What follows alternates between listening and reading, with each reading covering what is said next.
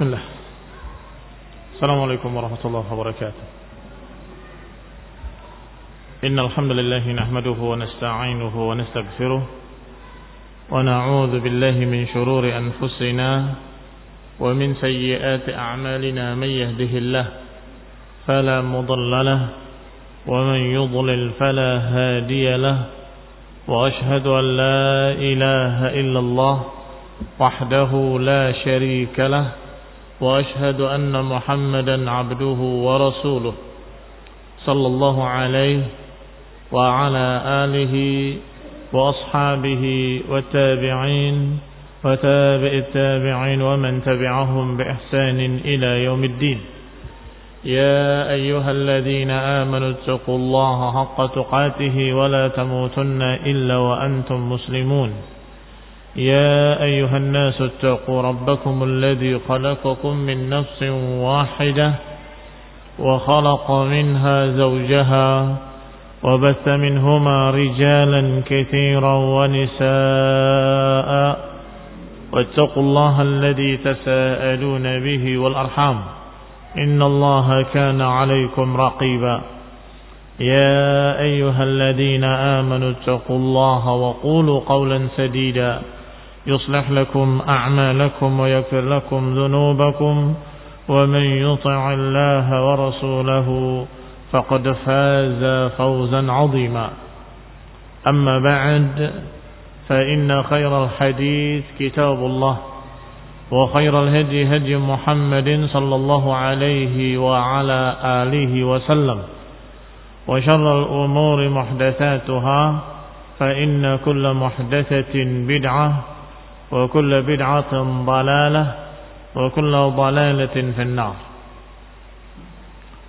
Ikhwani fi din, a'azakumullah. Kaum muslimin yang saya hormati, masih kita membahas kisah tentang kudum al-qabail. Datangnya suku-suku, rombongan demi rombongan untuk menyatakan keislaman kepada Rasulullah SAW. Wadhalika ba'dal fathi.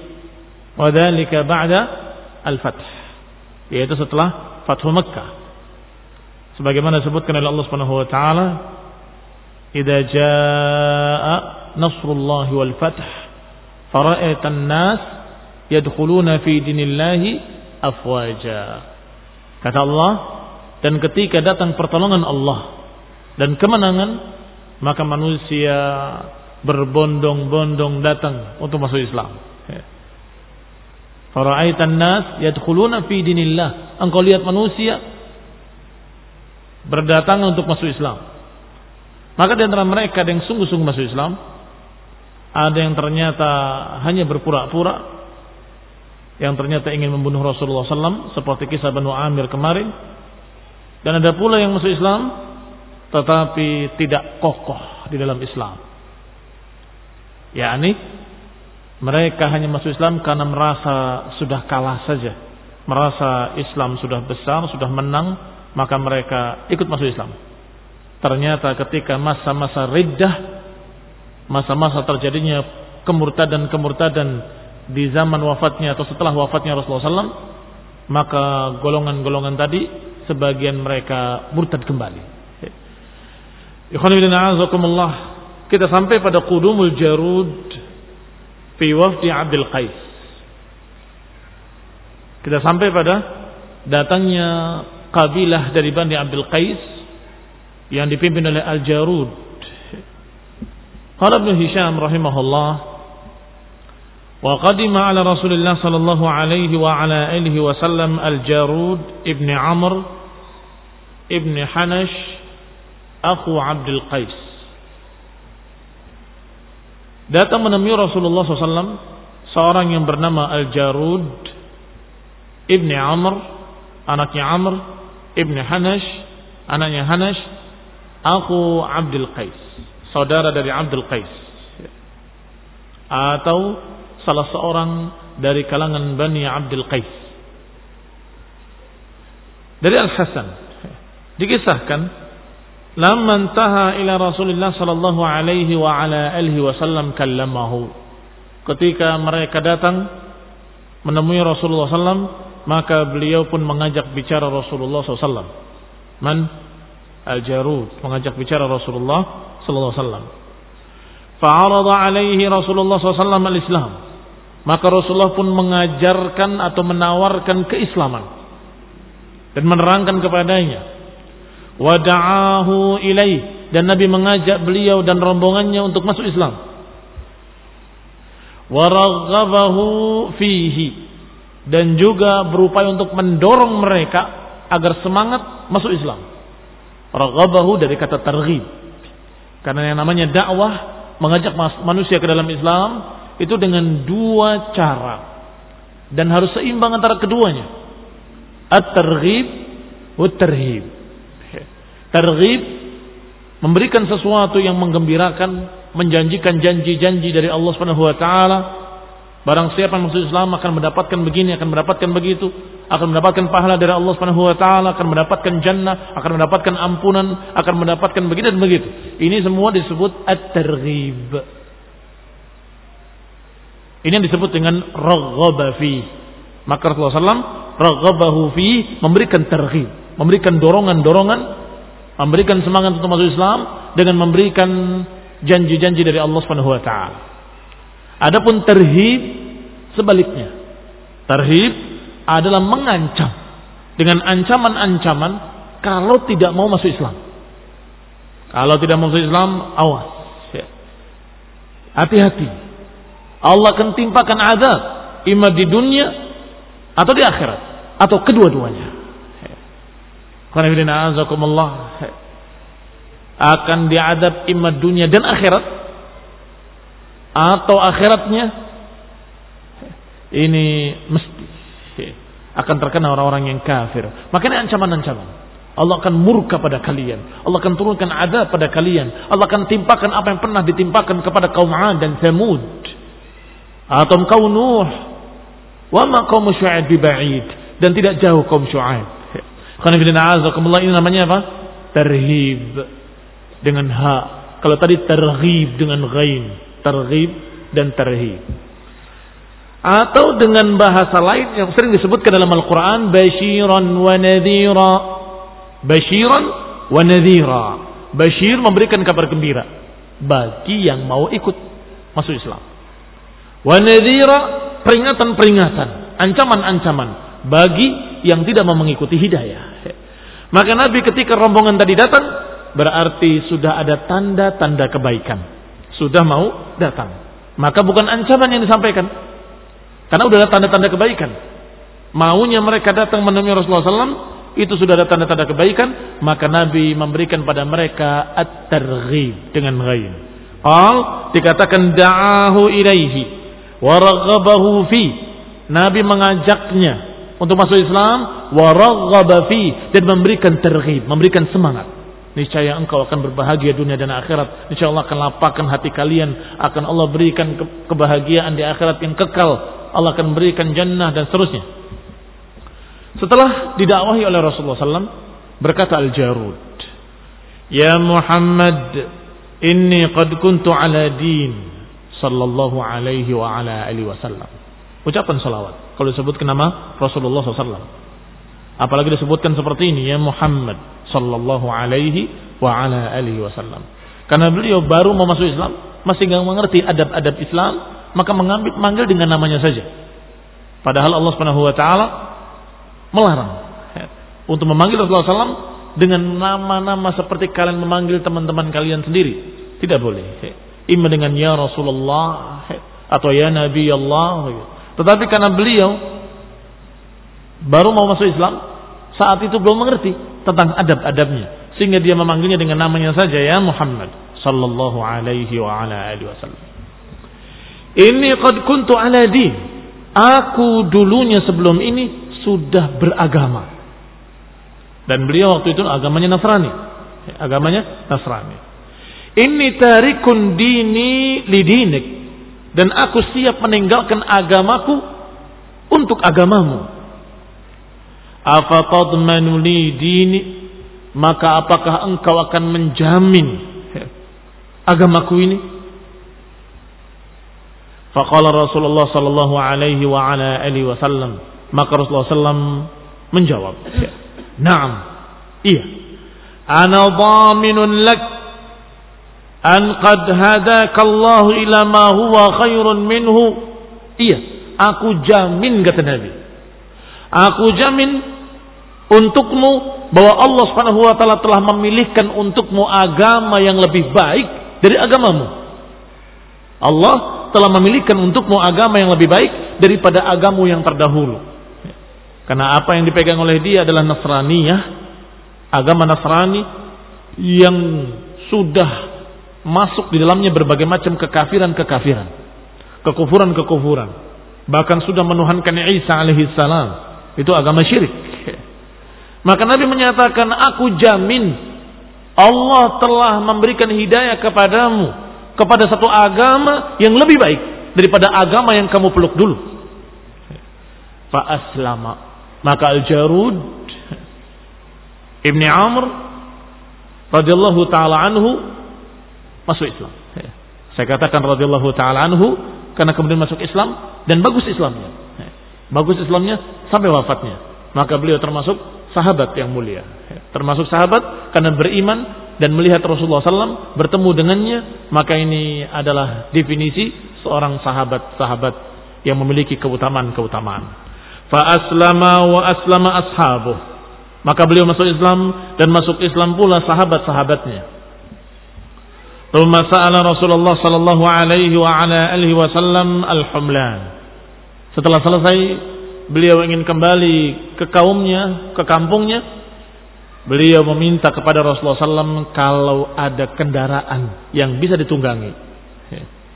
Sepertinya mereka adalah kaum yang fuqara, Kaum yang miskin tidak memiliki kendaraan.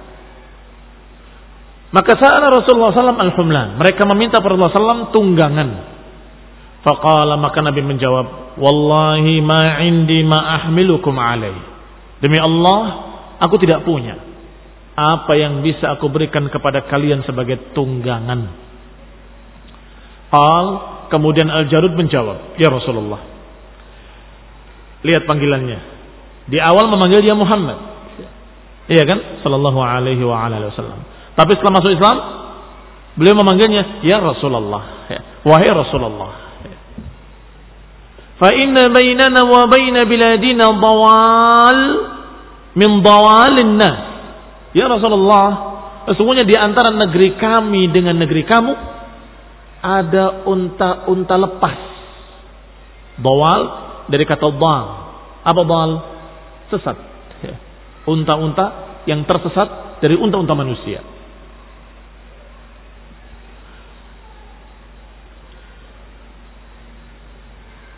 Afanataballahu 'alaiha ila biladina? Bolehkah aku menunggangi unta-unta tersebut hanya untuk sampai ke negeri kami? Ataballag dari kata balag, sampai untuk menyampaikan kami ke negeri kami. perlu ada catatan sedikit tentang hukum bal. Hukum barang temuan. Kalau barang temuan berupa barang berharga, maka diambil dan diumumkan. Bahkan disebutkan batasan tahunnya, satu tahun atau beberapa, atau ada yang mengatakan dua tahun. Ini kalau barang-barang yang seperti itu sifatnya. Tetapi khusus unta itu ada hukum tersendiri. Ya, khusus unta. Tidak boleh diambil, tidak boleh dipegang, dibebaskan. Kata Nabi, adapun unta mereka memiliki makanannya sendiri dan minumnya sendiri. Mereka memiliki makanannya sendiri dan minumnya sendiri. Atau kama qala sallallahu fi ma'nahu bahwasanya beliau menyatakan adapun unta dia punya makanan sendiri, punya minuman sendiri. Maknanya unta itu kuat di padang pasir. Kalau dibiarkan tidak mati. Berbeda dengan kalau kamu menemukan seekor kambing di tengah padang pasir. Kalau kamu tinggal, mati dia. Tapi kalau kamu bawa ke kota, kamu umumkan, ini saya ada yang punya. Ya. Paham ya? kalau kambing sesat. Tapi kalau unta sesat, kata Nabi biarkan. Jangan diambil. Sampai tuannya menemukan. Sampai pemiliknya menemukan. Karena dia adalah safinatus sahra. Unta adalah safinatus sahra. Apa itu safinatus sahra? Perahu padang pasir disebutnya. Disebut perahu padang pasir karena yang bisa mengarungi padang pasir dari hewan-hewan yang Allah ciptakan adalah unta. Sehingga jangan khawatir. Dia bisa minum dan dia kuat. Di temboloknya, di lehernya, itu ada air yang sangat banyak yang dia mampu untuk menempuh jarak yang sangat jauh. Ini keistimewaan unta. Maka biarkan sampai tuannya menemukannya. Maka ketika Bani Abdul Qais ini diwakili oleh Al-Jarum menyatakannya Rasulullah berikan kepada kami tunggangan untuk kami bisa pulang ke negeri kami. Kata Nabi, "Wallahi ma indi ma ahmilukum alaih." Demi Allah aku tidak punya sesuatu yang aku bisa jadikan tunggangan buat kalian. Maka Jarud mengatakan kalau begitu apa hukumnya? Aku dan kami kalau berjalan pulang dari sini ke sana sering menemukan unta-unta yang lepas unta-unta orang yang lepas dari pemiliknya. Apakah boleh kami tunggangi untuk sampai ke negeri kami, kemudian kami lepas kembali?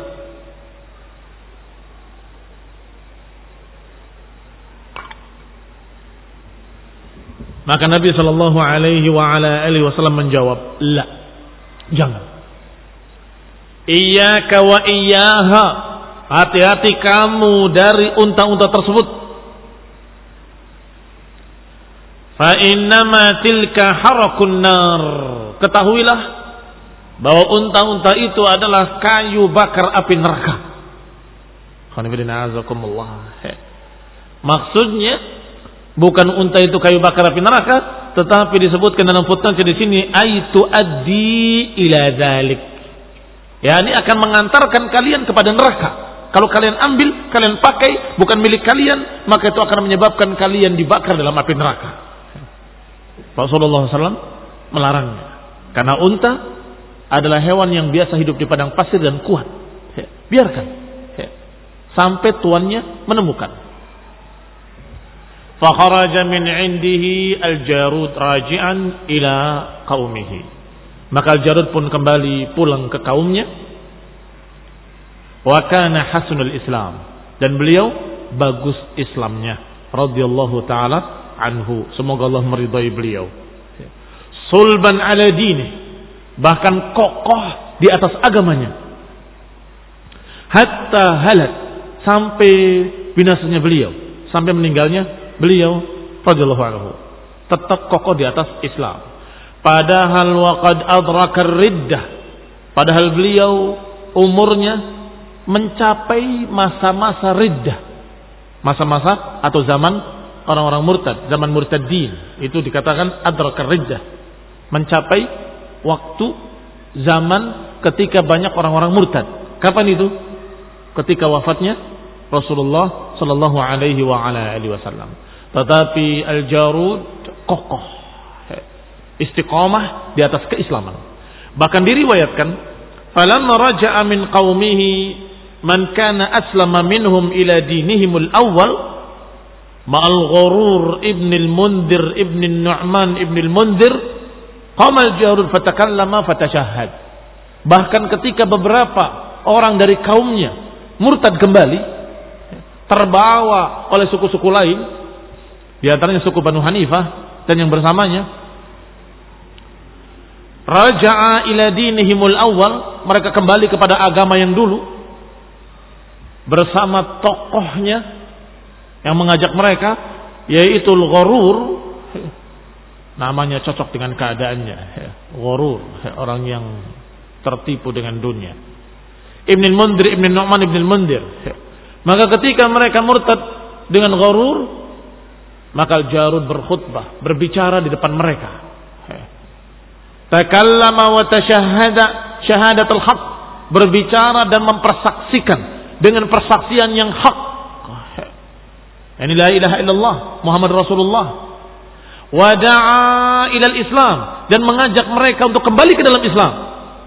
Maka dia berkata dalam khutbahnya, dalam pembicaraannya, "Ayyuhan nas, inni ashhadu an la ilaha illallah wa anna Muhammadan abduhu wa rasuluh." Wahai manusia, aku mempersaksikan bahwa tidak ilah yang berhak diibadahi kecuali Allah dan aku mempersaksikan bahwa Muhammad adalah benar-benar Rasulullah. Wa ukaffir man lam yashhad dan aku menganggap kafir siapa yang tidak mempersaksikan la ilaha illallah Muhammad dan Rasulullah. Lihat tegasnya Al-Jarud Ibni Amr Ibn Hanash Ibn Abdul Qais radhiyallahu taala anhu dia menegaskan bahwa aku mempersaksikan la ilaha illallah Muhammad Rasulullah dan aku menyatakan siapa yang tidak mempersaksikannya maka dia kafir. Dan disikapi sebagai sikap orang kafir.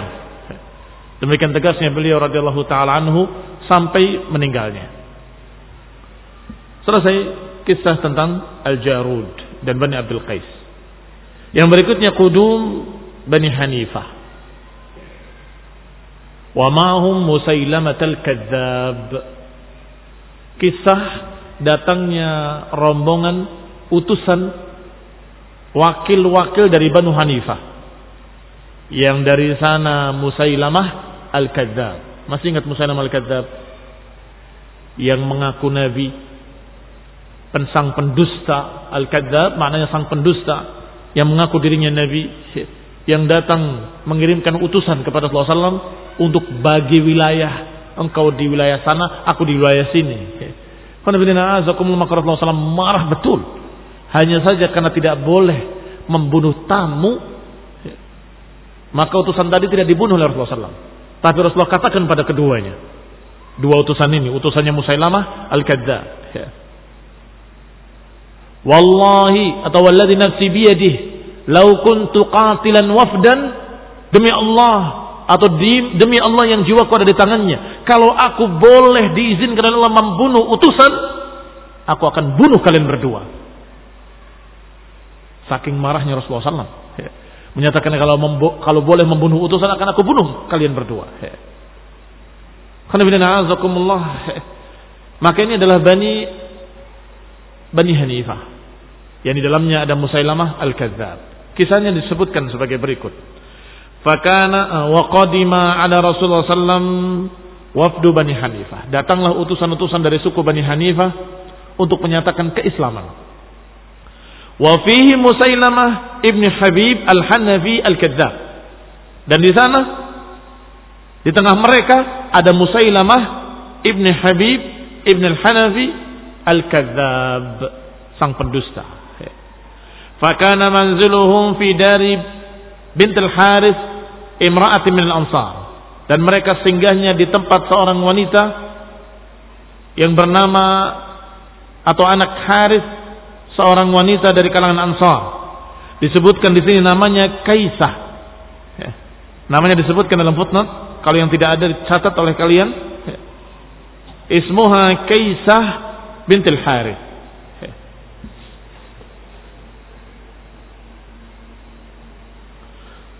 Summa min Bani Najjar. Dari kalangan Ansar, dari kalangan Bani Najjar. Haddatsani ba'd ulama'ina min ahli Madinah. Kata Ibnu Hisham menyampaikan kepadaku dari ulama penduduk Madinah bahwa Bani Hanifah atat bihi Rasulullah wasallam. Bahwa Bani Hanifah datang membawa Musailamah al-Kadzab menemui Rasulullah sallallahu Tasturuhu bithiyab tetapi ditutupi dengan pakaian atau dengan kain. Orang itu disembunyikan di dalam kain. Wa Rasulullah sallallahu alaihi wa ala alihi wasallam jalisun. Sedangkan Rasulullah sallam duduk di tengah sahabatnya. Dan bersamanya ada asibun min sa'afin nakhl. Dan bersama beliau ada daun kurma atau daun pohon kurma Firasihi khawsat. Di kepalanya ada batang-batang atau ranting-ranting kurma untuk menaungi Rasulullah SAW dari panasnya matahari. Falamma intaha ila Rasulullah sallallahu alaihi wa ala alihi wasallam Maka ketika mereka sampai di hadapan Rasulullah SAW, wahum yasturunahu bithiyab dalam keadaan mereka menutupi Musailamah al-kadzab dengan pakaiannya, kallamahu wa sa'alahu. Maka Nabi SAW berbicara sebagaimana biasanya menawarkan Islam. Kallamahu wa sa'alahu. Faqala Rasulullah SAW, maka Rasulullah SAW berkata kepada mereka, Lau sa'altani hadzal asib ma'ataitukahu. Kalaupun engkau meminta daun korma yang ada padaku ini yang sesungguhnya nggak ada nilainya, aku nggak akan berikan pada kalian. Ya. Kalaupun meminta selain daun korma, selain daun korma ini, aku nggak akan berikan kepada kalian. Ma'aut a'taitukahu. Aku nggak akan berikan ini kepadamu. Kalau Ibnu Ishaq berkata Ibnu Ishaq, "Wa qad haddatsani syaikhun min Bani Hanifah" dan telah menyampaikan kepada aku seorang syekh dari turunan Bani Hanifah. Dari penduduk Yamamah. Anna hadithahu kana ala ghairi hadha. Katanya kisahnya enggak seperti ini.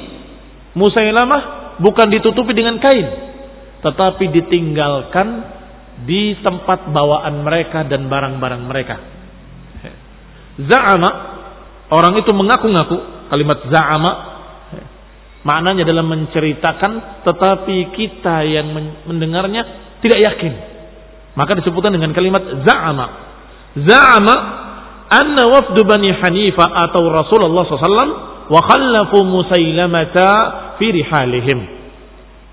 Dia mengaku-ngaku bahwa kisahnya enggak seperti itu. Tetapi rombongan utusan dari Banu Hanifah datang menemui Rasulullah SAW dalam keadaan meninggalkan Musailamah di tempat barang-barang mereka. Falamma aslamu dzakaru makanahu.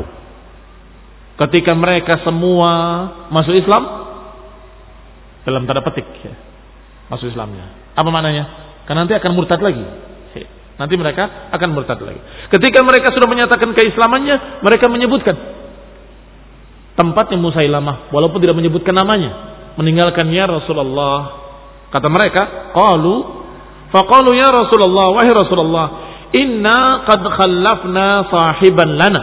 Kami telah meninggalkan seorang sahabat kami fi rihalina di tempat kami wa fi rikabina dan di hewan-hewan tunggangan kami untuk menjaga barang-barang kami, menjaga hewan-hewan kami, untuk kami, menjagakan untuk kami. Maka Rasulullah SAW memerintahkan kepadanya, bimisli ma qaum. Rasulullah SAW memerintahkan untuknya seperti perintah untuk yang lain. Kata Rasulullah perintahkan dia untuk mempersaksikan la ilaha illallah Muhammad Rasulullah dan begini dan begini dan begini seperti kepada rombongan yang hadir. Paham ya? Suruh pada dia apa yang aku suruh pada kalian. Baik, selesai. Kemudian ada kalimat dari Rasulullah SAW. Wa qala ama innahu laisa bisyarrikum makanan. Rasulullah SAW mengatakan, sungguh Ketahuilah kalimat ama seperti kalimat ala. Hanya iftitah. Kalimat untuk iftitah untuk membuka ucapan. Ala innahu laisa bisyarrikum makanan. Ketahuilah sering diterjemahkan ketahuilah padahal maknanya bukan ketahuilah, hanya pembuka saja. Ama innahu laisa bisyarrikum makanan. Ketahuilah bahwa dia sesungguhnya bukan orang yang terjelek kedudukannya di tengah kalian. Perhatikan ucapan ini. Ucapan sesungguhnya dia bukan orang yang terjelek kedudukannya di tengah kalian. Apa maksudnya kira-kira? Maksudnya adalah sebagaimana Rasulullah SAW menasehatkan kepada rombongan-rombongan yang lain. Kalau ada seseorang yang ditugaskan untuk menjaga barang-barang, menjaga hewan-hewan tunggangannya. Rasulullah SAW tidak boleh atau melarang mereka untuk merendahkannya. Jangan rendahkan. Orang yang menjaga tadi sungguhnya belum tentu di bawah kalian. Artinya orang itu belum tentu rendah dan jangan dikira bahwa dia di bawah kalian. Maka pada kejadian ini juga Rasulullah sama menyatakan dengan kalimat yang semakna. Ketahuilah bahwa dia bukan orang yang terjelek di kalangan kalian. Belum tentu orang yang terjelek di kalangan kalian. Kenapa? Karena orang tadi menjagakan barang-barangnya, menjagakan unta-untanya, maka dia memiliki kelebihan. Memiliki jasa buat kalian. Dzalika alladhi yuridu Rasulullah SAW. Itu yang diinginkan oleh Rasulullah sallallahu alaihi wa ala alihi wasallam. Ya, perhatikan yang diinginkan oleh Rasulullah SAW adalah karena orang tadi menjagakan barang-barangnya, berarti orang tadi memiliki jasa, memiliki kebaikan, memiliki amal soleh. Maka jangan rendahkan dia, itu maknanya. Tetapi dipahami oleh Musailamah al-Kadzab dengan kegeeran, gede rasa. Kamu gak dengar ucapan dia? Itu menunjukkan kalau aku bukan orang yang terjelek, artinya orang yang terbaik. Artinya aku dengan Rasulullah SAW itu sama. GR. Kan lihat. Selanjutnya kisahnya. Ketika Rasulullah SAW menyatakan seperti itu, semua mendengar. Ama innahu laysa bisyarrikum makanan. Ketahuilah bahwa dia itu bukan orang yang terjelek di kalangan kalian. Thumman sarafu. Kemudian mereka pun pulang. Meninggalkan Rasulullah sallallahu alaihi wasallam. Bima a'tahu dan mendatangi Musailamah dan menceritakan apa yang diberikan pada mereka. Falamman tahu ilal Yamamah maka ketika sampai di negeri mereka yaitu negeri Yamamah irtadda aduwullah. Ternyata Musailamah al-Kadzab murtad kembali. Wa tanabba'a wa takadzdzaba lahum. Dan mulai membikin-bikin berita. Tanabba'a membikin-bikin berita. Wa takadzdzaba membikin kedustaan-kedustaan. Qal dia berkata Inni qad asyriktu fil amri ma'ahu. Sungguh aku adalah partnernya Rasulullah SAW. Syirik, sekutu. Aku adalah sekutu Rasulullah SAW. Aku ini dijadikan oleh Allah seperti Rasulullah SAW bersama Rasul SAW. Wa qala liwafdihi alladhina kanu ma'ahu. Dan berkata kepada utusan-utusan yang datang kepada Rasulullah SAW, ini rombongan Banu Hanifah yang datang kepada Rasulullah SAW. Dia berkata kepada mereka, Alam yaqul lakum hina dzakartumuni lahu. Bukankah kalian dengar ucapan Rasulullah ketika kalian menyebutkan tentang aku? Bukankah Rasulullah berkata, Ama innahu laisa bisyarrikum makanan? Bukan tidakkah dia itu bukan orang yang terjelek di kalangan kalian? Hah? Kalian dengarkan? Madzaka illa lima kana ya'lam anni qad asyriktu fil amri ma'u. Ucapan itu tidak lain kecuali karena beliau tahu kedudukanku. Bahwa aku dijadikan oleh Allah sekutunya dalam menyampaikan risalah. Dia Rasul, aku juga Rasul. Dia utusan, aku juga utusan. Lihat ya khonibina azakumullah. Thumma yusajji' Kemudian yusajji' Yusajji' artinya membuat sajak-sajak. Bismillah.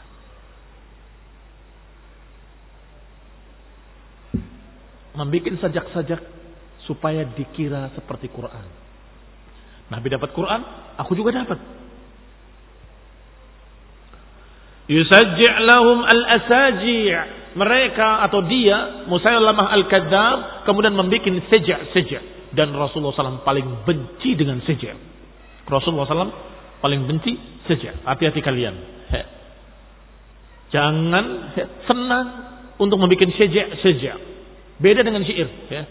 Kalau syair, Rasulullah SAW masih membiarkan sahabat-sahabatnya sebagaimana yang sudah kita baca dalam pasal-pasal yang lalu seperti Zuhair radhiyallahu anhu yang membacakan syair-syair di hadapan Rasulullah SAW dan Rasulullah senang. Ya. Itu syair. Tapi kalau sejak itu tidak dihitung kofiahnya dan tidak diatur sijiknya.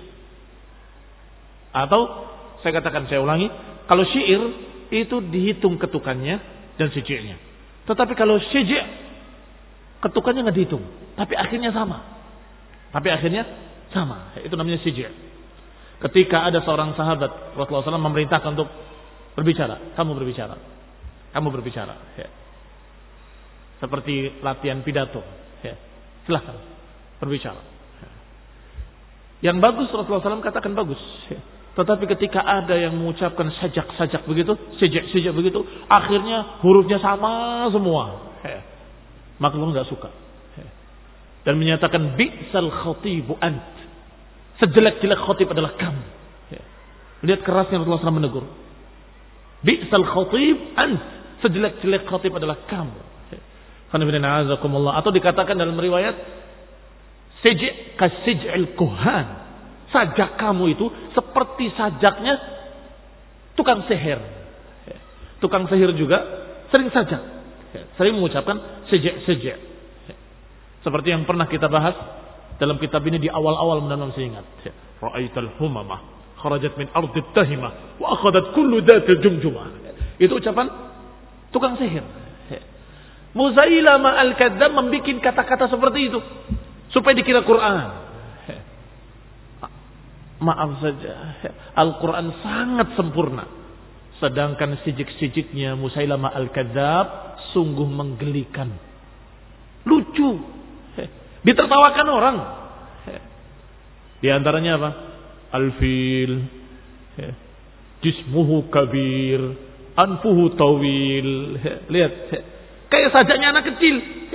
Gajah-gajah Lalainya panjang, badannya besar. Apa itu? Mau nyanyi Quran? Ditertawakan oleh orang-orang Arab. Apalagi nyanyi Quran. Orang Arab saja mentertawakan. Sijiknya Musailama. Al-fil, jismuhu kabir, anfuhu tawil, dan seterusnya. Di antara sijik-sijiknya dia, Yaqulu lahum fima yaqul mudahatan lil Quran. Dia mengucapkan apa yang diucapkan untuk menandingi Al-Quran. Karena Nabi punya Quran, dia merasa masa Nabi gak punya Quran. Hanya dia bikin. Bikin sejak saja. Laqad an'ama Allahu al-hubla akhraja minha nasmatan tas'a min baini sifaqin wa hasya. Ini di antara sejaknya, sejak-sejaknya dia yang dia jadikan untuk tandingan Al-Quran. Laqad an'ama Allahu al-hubla Allah telah memberikan kenikmatan kepada orang hamil yang mengeluarkan daripadanya kepala yang bergerak atau makhluk hidup. Min baini sifaqin wa hasya di antara ususnya dan perut sebagian kirinya. Khanifidina azakumullah. Sifat itu sebagian perut. Yang mengeluarkan dari perutnya. Apa ini? Satu tidak bermutu. Kedua bahkan bertentangan dengan apa digambarkan dalam Al-Quran. Kalau seorang hamil, bagaimana keadaannya dalam Quran? Wahnan ala wahnin. Dapat kesusahan. Dan itu ujian buat dia karena Allah berikan nanti sesuatu yang yang berupa kenikmatan adalah anaknya, duriahnya. Kalau tayyibah, maka itu ujian dari Allah Taala. Tetapi sini laqad an'amallahu 'alal hubla dan seterusnya. Qul masih banyak lagi syair-syair diriwayatkan dari Musa al-Kadzab yang katanya Al-Quran atau seperti Al-Quran, maka sungguh menggelikan dan mentertawakan. Gak lucu sama sekali dan gak bagus sama sekali. Tidak sama sekali memiliki keistimewaan. Kalau orang Arab mendengarkan Al-Quran, mereka terkagum-kagum. Walaupun kafir sekalipun, sebagaimana seorang kafir bahkan tokohnya orang kafir mendengarkan. Walid ibn Mughirah, tokohnya orang kafir dan ahli syair, mendengarkan Al-Quran terkagum-kagum. Demi Allah, ini bukan ucapan penyair, tapi lebih bagus dari syair. Ini bukan ucapan tukang sihir, tapi lebih indah dari apa yang diucapkan oleh tukang sihir. Demi Allah, ini bukan ucapan manusia. Ini yang mengatakan kafir Walid ibn Mughirah. Sampai matinya kafir. Tapi ketika mendengarkan Al-Quran terkagum-kagum. Tetapi ucapan Musailamah jangankan ahli bahasa. Orang yang biasa saja mendengarkan ucapan Musailamah tertawa. Tetapi naudzubillah pengikutnya ta'assub dengannya dari Banu Hanifah. Qanifidin a'azakumullah qala wa ahalla lahumul khamra waz zina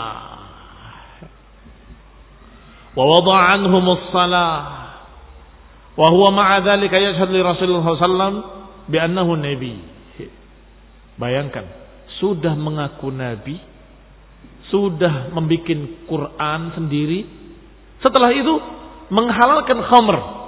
Aku mendapatkan wahyu, katanya khamr halal. Aku mendapatkan wahyu lagi, bahwasanya zina tidak apa-apa, asal suka sama suka. Astagfirullah, astagfirullah. Jadi kafir yang subhanallah, lebih kafir dari orang-orang kafir. Karena dia berdusta atas nama Allah. Berdusta atas nama Rasul. Ahallalahumuz zina. Menghalalkan zina, menghalalkan khamr. Wa wada'anhumus salah. Dan menggugurkan kewajiban salat. Oh, aku mendapatkan wahyu tadi bahwasanya salat nggak perlu lagi. Wa huwa ma'a dzalika yashhad li Rasulullah sallam bi annahu nabi. Tetapi masih tetap mengaku Rasulullah SAW Nabi. Iya, Rasulullah SAW Nabi. Tapi aku juga Nabi. Padahal Tikhwan Ibn Azakumullah nggak cukup mengaku bahwa Rasulullah SAW benar-benar Nabi. Nggak cukup. Diakui bahwa beliau Rasulullah dan diikuti. Kalau mengakui Rasulullah tapi nggak mau mengikuti, itu Musailamah al-Kadzab. Ingat ya Azakumullah maka mereka para ingkar-ingkar sunnah itu kita katakan kalian itu bukan mengikuti Rasul tapi mengikuti Musailamah al-Kadzab. Kenapa? Diakui, saya ah, ber, mengakui bersaksi bahwa Rasul benar-benar Rasul utusan Allah. Kalau gitu ikuti ajarannya. Oh enggak. Itu Musailamah al-Kadzab. Mengakui Rasulullah sebagai Rasul tetapi mengikuti tidak. Mengatakan bahwa kami mendapatkan wahyu sendiri. Mereka mengaku-ngaku ikut Quran. Ternyata mereka tidak mengikuti Al-Quran. Karena Al-Quran berapa kali menyuruh untuk mentaati Rasul. Sekian banyaknya. Wa asfaqat ma'hu hanifah ala dhalik. Tetapi herannya. Asfaqat ma'hu. Sepakat bersamanya seluruh suku Banu Hanifah. Jadi satu suku itu murtad semuanya. Mengikuti Musailamah al-Kadzab. Ya. Fallahu a'lam dzalika kan. Kata Ibn Hisham, maka aku tidak tahu yang mana yang terjadi. Intah. Apa maksudnya? Yang mana yang terjadi? Antara dua kejadian tadi. Pertama diriwayatkan bahwa Musailamah ikut hadir tetapi ditutup dengan kain. Ya kan? Riwayat yang kedua dari seorang syekh orang tua dari turunan Banu Hanifah menyatakan enggak begitu ceritanya. Ceritanya dia ditinggal di tempatnya. Za'ama mengaku-ngaku demikian. Wallahu a'lam apa yang terjadi. Yang pertama atau yang kedua. Wallahu taala a'lam taufiq wal afiyah wal hidayah. Subhanakallahumma hamdika la ilaha illa anta astaghfiruka wa atubu ilaik. Wassalamualaikum warahmatullahi wabarakatuh.